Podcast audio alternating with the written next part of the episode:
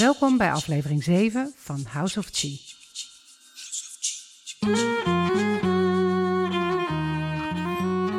Straks ga je luisteren naar het gesprek dat ik mocht hebben met Jan Willem. Zijn familie en hij zijn zwaar getroffen door corona. Ik heb getwijfeld of ik als onervaren podcaster of interviewer wel recht zou kunnen doen aan een verhaal dat zo aangrijpend en nog zo vers is. Maar de boodschap over zijn herstel is zo waardevol dat zowel hij als ik het belangrijk vinden dat mensen dit nu horen. Jan Willem, welkom in de podcast en wat fijn dat je je verhaal hier wilt delen. Ja, dankjewel, dat doe ik graag. Ja, mijn familie is ontzettend getroffen. Uh, wij kregen een bos bloemen van iemand aangereikt um, die ook corona bracht. Uh, mijn vader die heeft corona uh, doorgekregen ja. en is vier weken ontzettend ziek ge geworden. Mijn moeder had kanker en was onder behandeling. En uh, die heeft de corona van mijn vader overgekregen. Sure. Ik mocht op een gegeven moment niet meer het huis binnen van de huisarts. En ze waren allebei in quarantaine in een deel van het huis. Op een gegeven moment vertrouwde ik het niet meer. Toen heb ik uh, de ambulancepost gebeld. Die zijn polshoogte gaan nemen en hebben mijn moeder per direct naar het AMC gestuurd. En op dat moment hebben de uh, broeders eigenlijk gevraagd of ik wilde inspringen bij mijn vader. Dat je toch voor hem ging zorgen? Ja, ik, ik moest voor hem gaan zorgen, eigenlijk per direct. Mijn vader had zes, zeven dagen niet gegeten en gedronken. Mm. Um, ze hebben mij toen gevraagd of ik ja, van, van niks in één keer in een coronahuis verzorging moest gaan geven. Uh, dat was in de periode dat er nog geen mondkapjes voorhanden waren. Mm -hmm. Ik ben toen letterlijk met één mondkapje en zes handschoenen uh, het huis binnengestapt. Waar het coronavirus uh, hoogtij vierde. Ja. En toen ben ik uh, 24-7 voor mijn vader gaan zorgen. ik ben daar kerngezond naar binnen gegaan. En na een aantal dagen overleed mijn moeder. Mm. En we kregen het bericht. Dus toen moest de begrafenis geregeld worden. het was een heel gekke situatie. Ehm, het waren lange dagen met weinig slaap. En ik ben ook gewoon afgezwakt. En op een gegeven moment uh, ontzettend gepakt door het coronavirus. En dat heeft mij heel hard en heel snel toegeslagen. Oh ja? Hoe voelde je dat? Uh, nou, ik voelde het eigenlijk helemaal niet. Tot het moment dat ik wakker werd en uh, ik met spoed de ambulancepost moest bellen voor een ambulance. Maar wat gebeurde er? Ik heb een aantal dagen voor mijn vader gezorgd ik ging uh, slapen om half twaalf en ik moest wakker worden om half vier. Mm -hmm. Ik werd wakker uh, van mijn alarm en ik, uh, ik kon eigenlijk niks meer voelen. Mijn hoofd deed ontzettend pijn. Ik kon niet normaal nadenken. Ehm, wat uiteindelijk een zuurstoftekort bleek te zijn. Mm -hmm. Uh, ik heb op dat moment mijn vader gebeld. Van in plaats van dat ik nu naar jou toe kom, moet je nu echt naar mij toe komen. Want ik, ik kon mijn bed niet uit, ik kon niet lopen, ik kon helemaal niks meer. Mm. Wat was er gebeurd? Uh, mijn hele longen zijn vol slijm gegaan mm -hmm. door het coronavirus. Waardoor er geen zuurstof vanuit je longen naar je bloedbaan kon gaan. En de saturatie, dus dat is de, de, de, het zuurstof in je bloed, mm -hmm. was ver onder de minimale waarde gedaald. Uh, we kregen te horen uh, dat eigenlijk onder de 90 dat je al direct het ziekenhuis moest bellen. Maar mijn was ver onder de 80 gedaald. Mm -hmm. uh, uiteindelijk is er een ambulance gekomen. die hebben gekeken om, om, kwart voor vier s'nachts. En hebben hem direct ingeladen in de ambulance. En naar het Meander ziekenhuis gebracht. Ik kan me voorstellen dat je afgezien van dat je je onmogelijk moet hebben gevoeld fysiek, dat je al zoveel verdriet en stress uh, had, dat je daar toch wel in een hele verschrikkelijke staat uh, in het ziekenhuis moet zijn aangekomen. Ja, dit is wel uh, een periode in mijn leven geweest wat ik nog niet eerder heb meegemaakt. Helemaal met een, ouders die allebei ernstig ziek waren. Op een gegeven moment overlijdt je moeder. Ja. Vader die nauwelijks zijn hoofd van het bed kan optillen en echt super, super slecht was. Ik heb hem nog nooit zo slecht gezien. Um, en vervolgens uh, werd het 1 april. En uh, hoe gek het ook klinkt, om uh, half vier op 1 april kon ik mijn bed niet meer uit. En kwart voor vier stonden er twee ambulances op het pad. Met vier medewerkers van het ziekenhuis. die binnen de kortste keren de diagnose gesteld hadden en met grote zuurstofgasflessen naast mijn bed stonden met zuurstofmaskers. Ja. En ik wilde eigenlijk gewoon thuis voor mijn vader blijven zorgen. En mijn moeder was net ook thuis gekomen in de kist. het was eigenlijk niet de periode om, Wat een drama. om weg te gaan. Nou. Dus het was een, een opeenstapeling van uh, ja, onvoorzien noodlot. Ja, je bent naar het ziekenhuis gebracht. Ja, ze hebben mij met uh, loeiende sirenes, ik denk dat we wel 200 km per uur over de A1 richting uh, Amersfoort zijn gereden. Ze hebben ook gezegd, je had geen paar minuten later moeten zijn. Mm. Uh, want ik, ik was gewoon echt heel slecht. En ik denk achteraf dat de wekker mij gered heeft. En hoe is het jou gegaan in het ziekenhuis?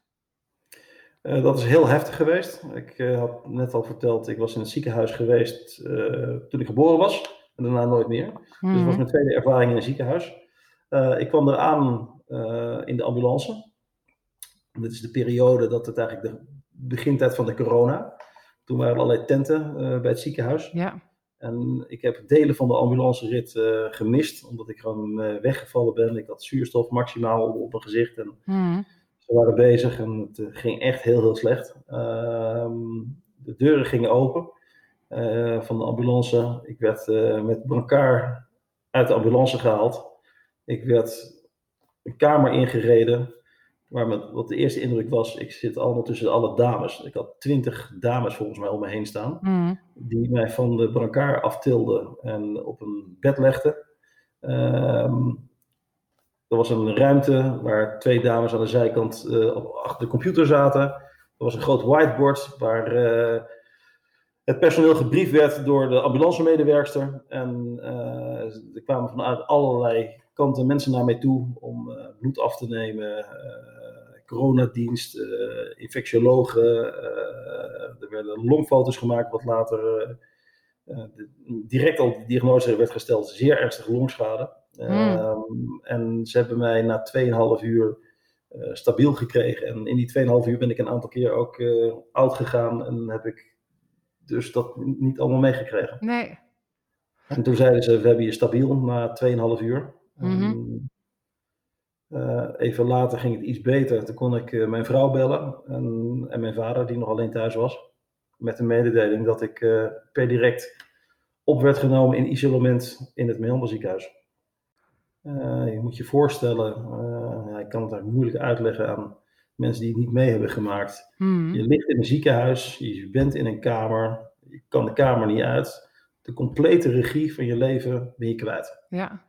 Er komen te pas en te onpas komen de mensen die kamer in. En vooropgesteld zijn allemaal super vriendelijke, goede mensen. Diep respect voor alle medewerkers in het Meander ziekenhuis. Maar die komen bij jou infusie geven, bloed afnemen, uh, zuurstofmaskers plaatsen. Uh, er gebeurt alles en dat is dag en nacht. Hmm. Uh, dus je hebt gewoon geen regie over je eigen leven. Geen slaap? Geen, helemaal geen slaap. Dit gaat gewoon de dag en nacht door je beeldvorming, er zijn uh, 30 mensen per shift. Er zijn vier shifts. Dus je hebt meer dan 110 man per dag die voorbij ziet komen. Wat er bij mij gebeurd is, is dat ik heel veel grote problemen had met uh, slijm in mijn longen. Ik kreeg geen zuurstof in mijn, bloed, of te weinig.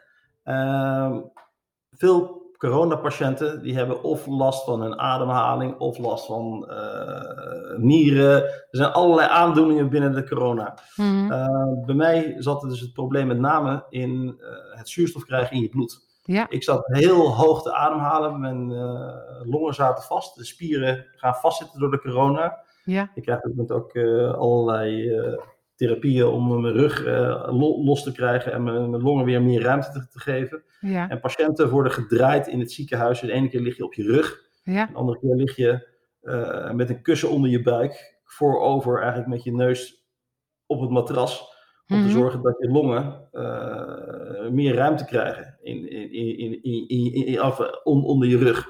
Ja. En dit is gewoon een heel groot probleem bij de patiënten om ja, zuurstof er binnen te krijgen. En als dat op een gegeven moment niet meer gaat, dan worden patiënten uh, buiten Westen gebracht. Dus eigenlijk niet meer bij. En, en, en, dan ga je aan de beademing. En je bent continu bezig om te zorgen dat je saturatie goed blijft. Je hebt allerlei alarmen, monitoren naast je bed staan. Om te, om te zorgen. Dat je zelf kunt ademen. Ja, en, en, dat je nog een klein beetje controle over je lichaam hebt. Dus je bent heel erg druk en de hele dag aan het vechten, dag en nacht. Om die zuurstofwaardes goed te krijgen. En uh, ik weet nog heel goed dat ik uit mijn rechter ooghoek de waardes zag. En als ze onder de 90 gingen, bij 88 werden blokjes geel. Mm. Met het hart begonnen te knipperen en begon het hart te piepen. En kwamen er verpleegsters binnenrennen om de zuurstofkraan omhoog te doen. Ik heb heel veel, bijna maximaal zuurstof gehad, met name de eerste dagen. Mm Daarna is het afgebouwd, dus dan heb je eerst mondkappen. En uh, op een gegeven moment ga je slangetjes in je neus krijgen. En de mondkappen kunnen tot 15 liter zuurstof geven. En de slangetjes maar tot 8 liter. Dus als je een slangetje in je neus hebt, dan, uh, dan ben je eigenlijk al wat meer aan het herstellen. Mm en hoe verliep dat verder? Nou, uh, de eerste dagen zijn dus heel heftig geweest bij, in het ziekenhuis. Uh, op een gegeven moment ging je dat zuurstof afbouwen. Dus het lichaam begon zich te herpakken. Mm -hmm. daarna ga je slangjes in je neus krijgen. En dan, de maximale zuurstof was 15 liter met een mondkap. En als je de slangetjes krijgt, dan gaan ze dat rustig afbouwen. En dan proberen ze je eigenlijk uh, dat het lichaam weer zelf gaat werken. Dus ze, ze kunnen gewoon het aantal, of de, het zuurstof terugdraaien wat er door het slangetje komt. Ja, en lukte je dat? Heel moeilijk. Dat is een heel proces geweest. Uh, zij hebben eerst geprobeerd mijn ademhalingstempo naar beneden te halen. Ja. En dat doen ze met, als iemand naast je bed gaat zitten, die gaat dan tellen. En dan moet mm -hmm. je op een gegeven moment gaan ademhalen, net zo snel als ze tellen. En dat duurt een kwartier, twintig minuten voordat je je ademhaling naar beneden krijgt.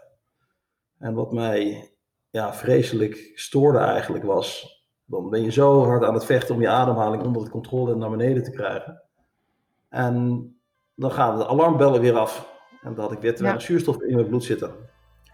Dus het kwam er eigenlijk op neer dat ik maar een heel klein gedeelte van mijn longen kon gebruiken om adem te halen.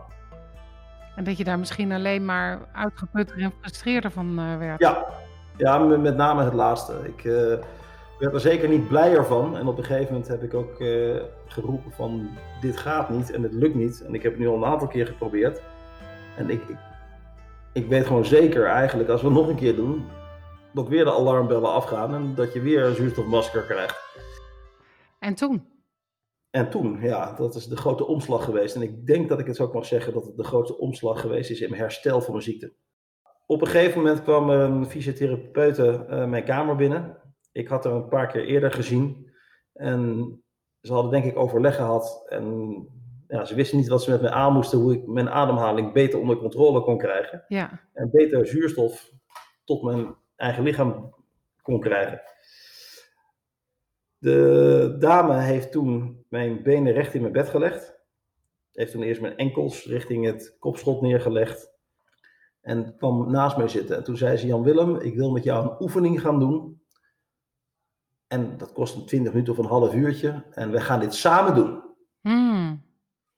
Ja, toen, Was dat ook ja. al eigenlijk een andere toon dan. Of... Ja, ja, ja, ja, want uh, dat is een goede vraag van je. De andere fysiotherapeuten, vooropgesteld, allemaal ontzettend aardige en zeker capabele mensen, denk ik.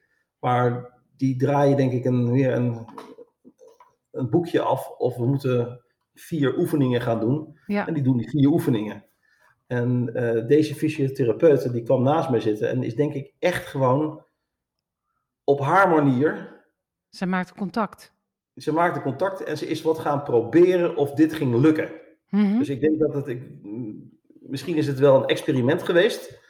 Uh, om te kijken van, kunnen we het dus over een andere boeg gooien? Om te, ja. om te zien of dit wel gaat lukken.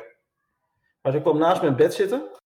En wat ik niet wist, is dat ze haar telefoon naast mijn hoofd neerlegde. Oké. Okay. Op haar telefoon had ze een app staan ja. met mindfulness oefeningen. Ah.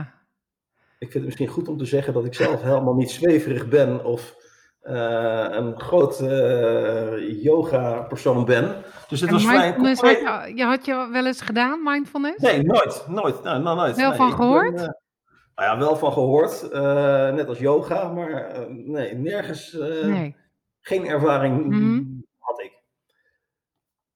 Zij heeft de telefoon naast mijn hoofdkussen neergelegd. En op een gegeven moment duwde ze op play. Mm En toen was er een mannenstem die begon te vertellen dat je je enkels op de grond moest neerleggen. En voel je benen, mm voel je tenen, voel je schenen, voel je enkels. Mm Dat is voor mij nieuw, maar het was zeker rustgevend. Maar waar hij naartoe wilde, is complete rust creëren. Ja. En te zorgen dat je uh, niet meer aan alle zaken om je heen denkt. Dus het ziekenhuisbed, de monitoren, de belletjes, de mhm. infusen, het slaapgebrek, uh, de strijd die je aan het leveren bent om maar genoeg zuurstof in je lichaam te krijgen. Ja. Dus dat was een heel nieuwe ervaring. Zij heeft uh, de Mindfulness app gestart. Ja. De eerste 30 seconden dacht ik van, wat gaan, wat gaan wij nu doen? Ja. Waar gaat dit naartoe? Totdat ik, uh, ja, ik heb eigenlijk wel direct overgegeven eraan. Op een gegeven moment zeiden ze, haal diep adem.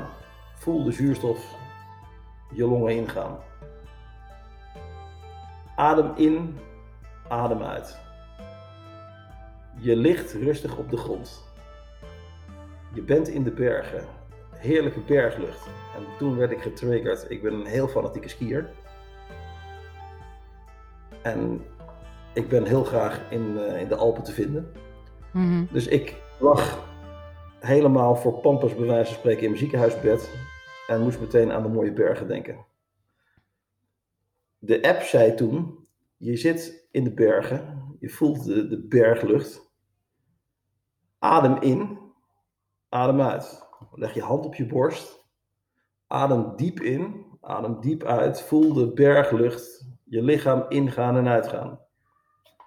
Vervolgens moest ik mijn hand op mijn buik leggen. Toen zeiden ze van adem in op je borst en adem heel diep in ook met je buik.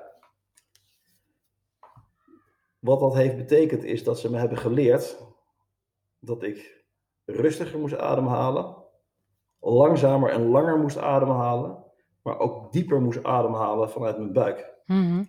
Die training heeft mij ontzettend veel rust gebracht. Heeft mij controle over mijn lichaam gebracht. Ja. En ook controle over de apparaten die naast mijn bed stonden. Dus de alarmen en de alarmbellen die continu maar gingen. Toen ik die training gedaan had, ben ik de uren daarna eigenlijk alles een beetje gaan herhalen. En de dame van de fysiotherapeuten, die kwam mijn kamer in en uit om te kijken hoe het met me ging. Mhm. Maar op een gegeven moment zag ze gewoon dat ik rustiger begon adem te halen. En ik heb heel lang, ik had infusen in mijn hand, ik heb nog steeds littekens op mijn handen zitten van alle slangen die ik in mijn, in mijn handen had. Dus mijn hand heb ik gewoon op mijn borst laten liggen en de andere hand op mijn buik. En ik ben gewoon echt in volle concentratie, urenlang, mijn ademhaling gaan, gaan oefenen. En dat is gelukt. Ongelooflijk, hè? Wat was het dat je op dat moment besloot om je over te geven aan die oefening? Ik was in een ontzettende overlevingsdrang. Ik ben voor mijn vader gaan zorgen toen hij heel, heel ziek was. Mijn moeder is overleden. Vervolgens, na vier dagen, is de kist van mijn moeder thuisgekomen. En een uur of zes later lig ik zelf in de ambulance richting het Meander ziekenhuis. Ik heb daar hele zware dagen gehad, 6,5 dag. En eigenlijk van het moment dat ik bij voor mijn vader ben gaan zorgen, tot het moment van de mindfulness, heb ik compleet in een overlevingsdrang gezeten. Ja. En sterker nog, dat zit ik eigenlijk nog steeds. Maar die mindfulness is een omslagpunt geweest in het herstel van mijn ziekte. Waarom noem je dat een omslagpunt? ik kreeg op dat moment controle terug over mijn lichaam. Ik kreeg controle terug over ehm, het alarmsysteem naast mijn bed. Als het alarm afging, ging de schuifdeur open, kwamen allerlei medische mensen langs, naast mijn bed staan met zuurstofmaskers op mijn gezicht duwen. Dus ik, ik had weer controle Ja. over mijn lichaam. En- Ik had op dat moment nog wel slangen met zuurstof, maar daardoor, daarna konden ze dat zuurstofgehalte konden ze sterk terugbouwen. Kreeg je toen uitzicht op, ah, dit is de weg naar, dit is de weg naar buiten? Ja, nou, dat, dat, dat wist ik wel zeker. Ik, ik hield eh, precies bij eh, op hoeveel eh, de zuurstofmeter stond. Ja. En die heeft in het begin heel, heel hoog gestaan. En is toen naar beneden gegaan. En ze hebben hem ook vaak weer omhoog moeten zetten. Ook vaak s'avonds en s'nachts kwamen ze naar je toe. En dan ja, gingen alarmbellen af en ja, ging, het, ging het helemaal mis. Maar de laatste dagen, door middel van beter te kunnen ademhalen, is het, is het goed gegaan. Ik heb jou natuurlijk vanmiddag gezien. Je kwam aanlopen eh, als, een, als een voor mij fitte man. Maar hoe gaat het nu met jou?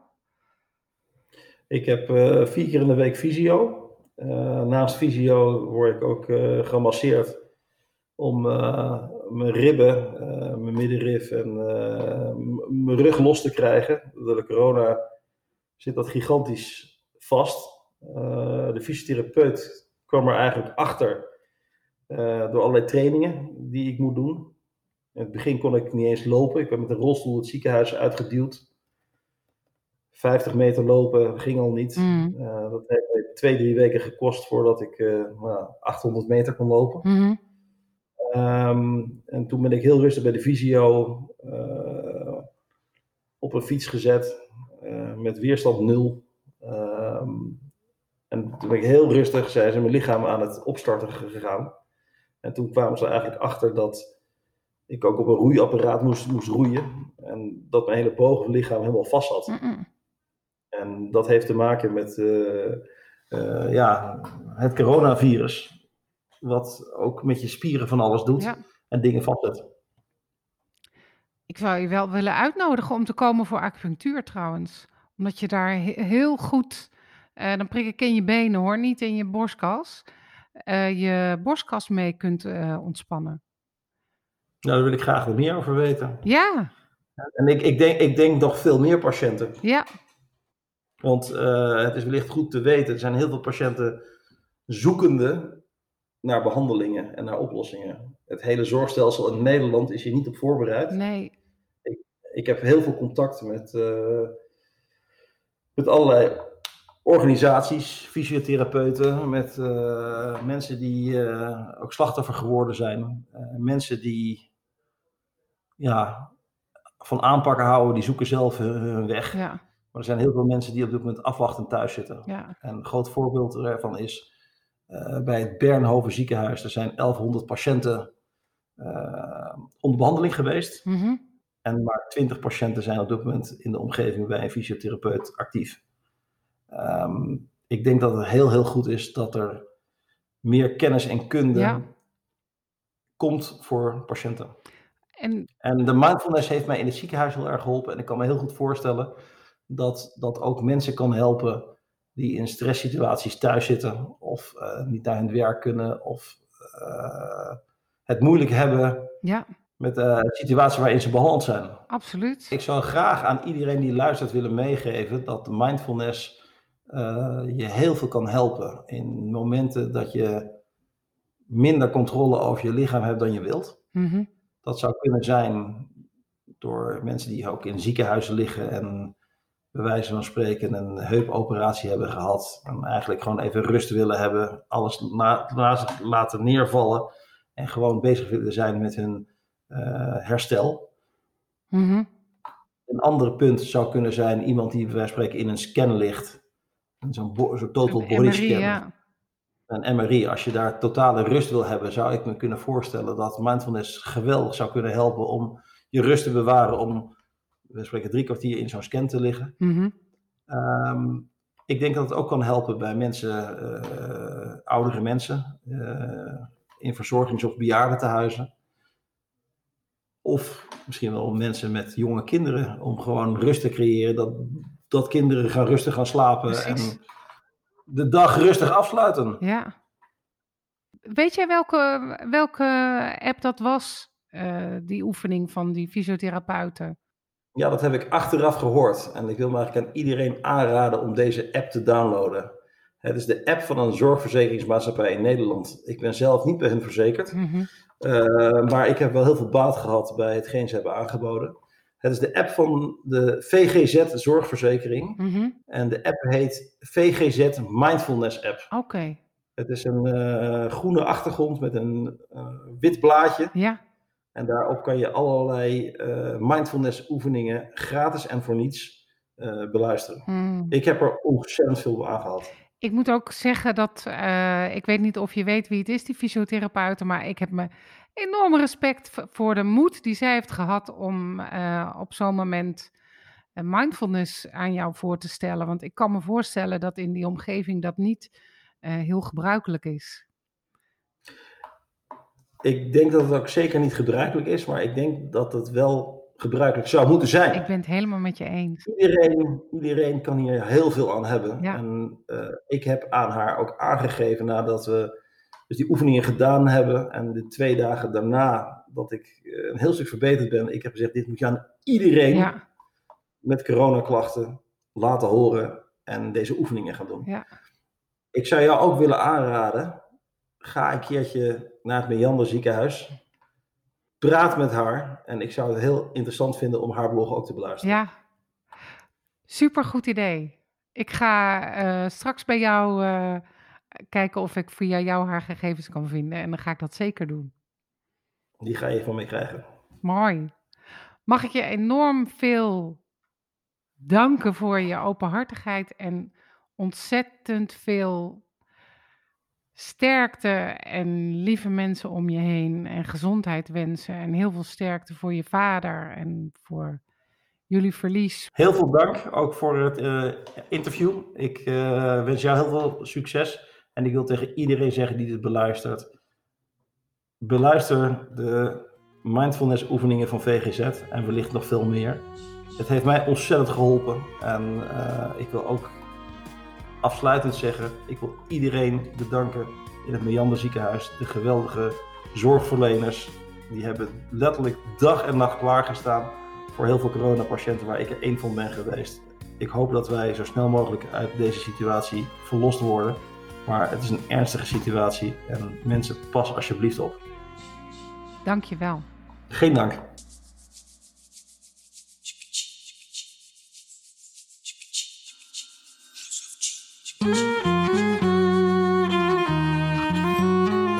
Ik kan me voorstellen dat jij ook geraakt bent door de voelbare strijdlust van Jan Willem.